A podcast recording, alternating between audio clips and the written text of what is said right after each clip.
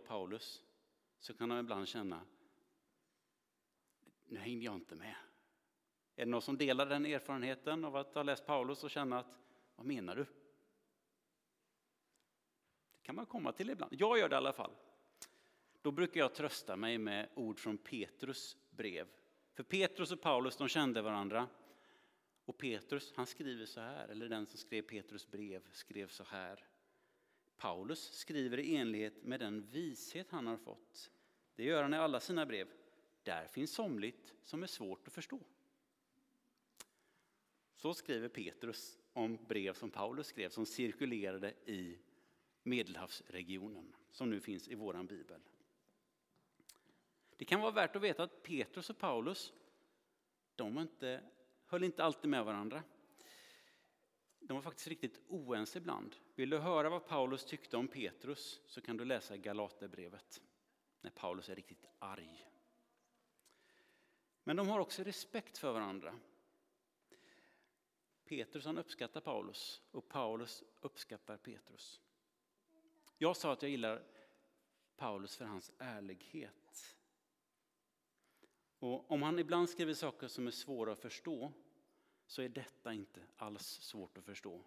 Även om det kan irritera oss att det är så. För jag tror du kommer känna igen det nu när det handlar om tro och liv. Från Romarbrevet kapitel 7. Paulus skriver så här. Jag förstår inte mitt sätt att handla. Det jag vill, det gör jag inte. Men det jag avskyr, det gör jag.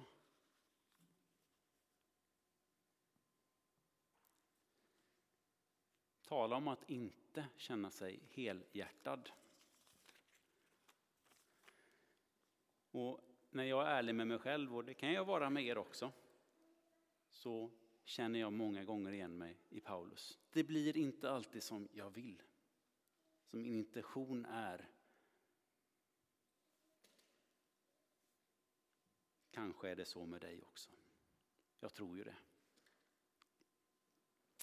Men riktningen för oss, det måste väl ändå vara att leva helhjärtat. Att försöka få ihop det. Lite som Jason var inne på där, att inte ha två olika konton i livet. Ett där man är kristen och ett där man lever ett annat liv. Där man säger kristna saker och där man säger andra saker. Utan att tron får genomsyra hela livet. Det är det som är målet. Att inte vara splittrad. Sönerna från bibeltexten där som jag berättade om i början. Det är för mig väldigt goda bilder på personer som inte är helhjärtade. De säger en sak och gör en annan. Sen kan man ändra sig som den ena gjorde och då blir det ju ändå mer rätt. Läser man bibelkommentarer om den här texten så kan det bara vara lite intressant att veta att han som säger ja pappa, eller ja herre till sin pappa, antagligen så är det en pik Jesus ger mot översteprästerna och det religiösa ledarskapet i Jerusalem vid den tiden, som han menar är hycklare. Som säger en sak men gör en annan. Som har fått i uppdrag att förvalta, att vara präster och leda Guds folk. Men som så utnyttjar de systemet för egen vinning till exempel. Tänk bara på när Jesus rensar templet från månglarna, som det heter.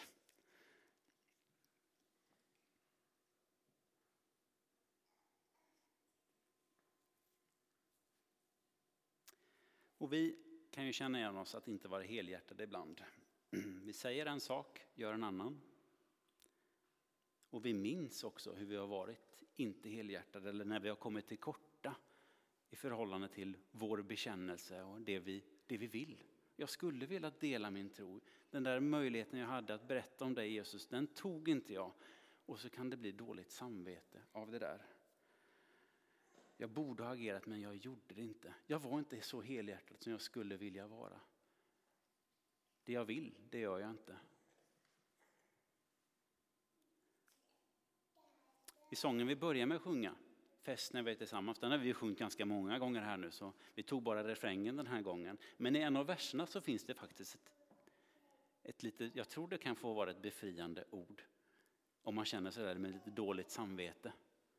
Lägg undan gamla mönster, för nu är nu och förr är förr. Det kan ju låta lite klatschigt att säga så bara, ja, ja, ta bort det.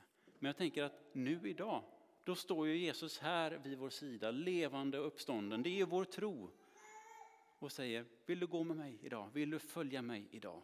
Vill du leva helhjärtat med mig idag? Och så får vi leva i nåd mot oss själva, mot varandra.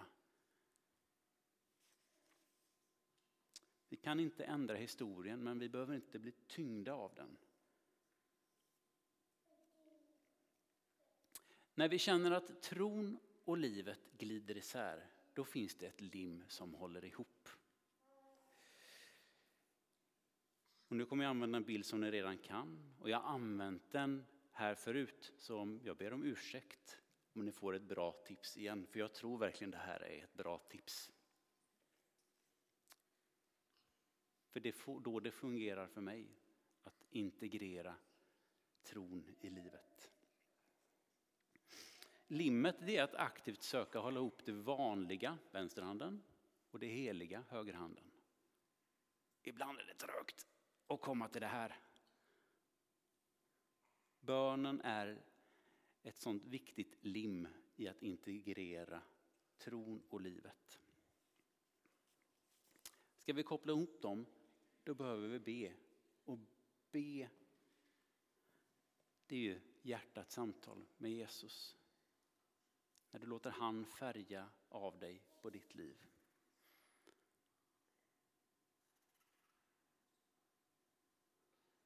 Känner du dig som Paulus? Det goda som jag vill, det gör jag inte. Bönen gör skillnad. Den gör det. Och när jag skrev det där så föreställde jag mig i mitt inre att kanske det finns någon någonstans i någon kyrka som vid de orden tänker och lite muttrar i sitt inre. Sa han be mer? Det har jag hört hela livet i kyrkan. Sa han be mer? Som att det skulle göra skillnad och hjälpa. Jag sa inte be mer. Jag sa att bön gör skillnad. Fanns det något av det där muttret som fanns i dig? Då vill jag bara ställa en motfråga. Vilken bild har du av vad bön är? Nu vill jag låna en bild från vardagslivet. Om Jesus nu stod vid vår sida och säger, vill du gå med mig idag? Och vi kan fatta honom i handen. Så tänker jag på hur det kan vara för mig och Magdalena, min fru. Det är inte så att vi varje stund, varje dag tittar varandra djupt, kärleksfullt i ögonen och har förtroliga samtal hela tiden. Så, så är det ju inte. Man lever i en relation. Det gör vi ibland. Så kan bönen med Jesus vara, ibland. Men så vet vi också att bönen är också att likt någon man delar sitt liv med stå och diska. Man säger kanske inte så mycket. Men den ena diskar, så står den andra bredvid och i tystnad tar tallriken och torkar tallriken och så snuddar man vid varandras armbågar, rör vid varandra, är tillsammans. Den där stillheten som bönen kan vara, närvaron, att medvetet stanna upp och bjuda in Jesus i vardagen. I klostren har man ju fått öva sig på detta. Man ska leva liv med Gud.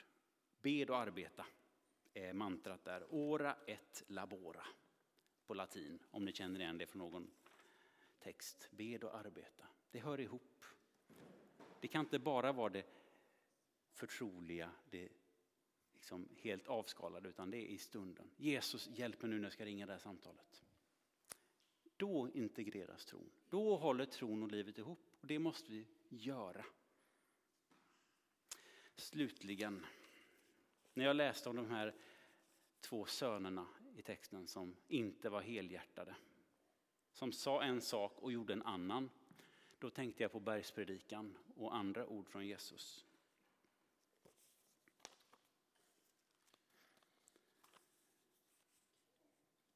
Vad ni säger ska vara ja eller nej. Det är ju egentligen tvärt emot det sönerna i Jesu berättelse som sa det ena men gjorde det andra gör. Så lever vi den där motspänningen med att vara helhjärtad och så misslyckas vi. Men vi måste ta Jesus i handen och gå tillsammans med honom. Någon annan riktning och någon annan väg kan vi inte ha som Guds folk.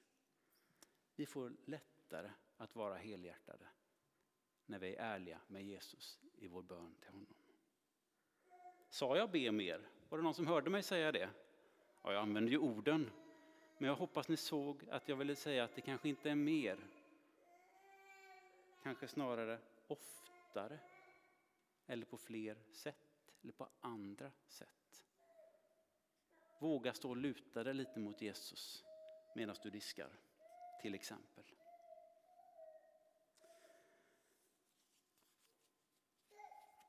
Nu får vi fortsätta vår gudstjänst.